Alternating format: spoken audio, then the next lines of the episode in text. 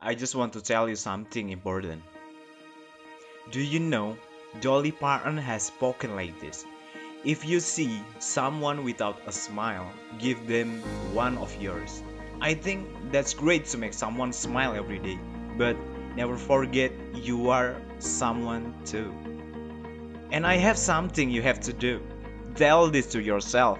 You need to say, I will remain focused on my goals. Even if I have a moment of difficulty, I will not give up. I know success comes with consistency. I know that and I will make it. Things will get better. No problem or challenge will stop me. Everything I deserve is coming my way.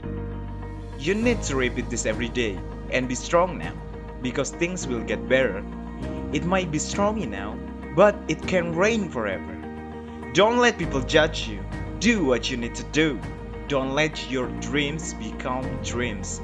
Don't be afraid to be different and just be yourself.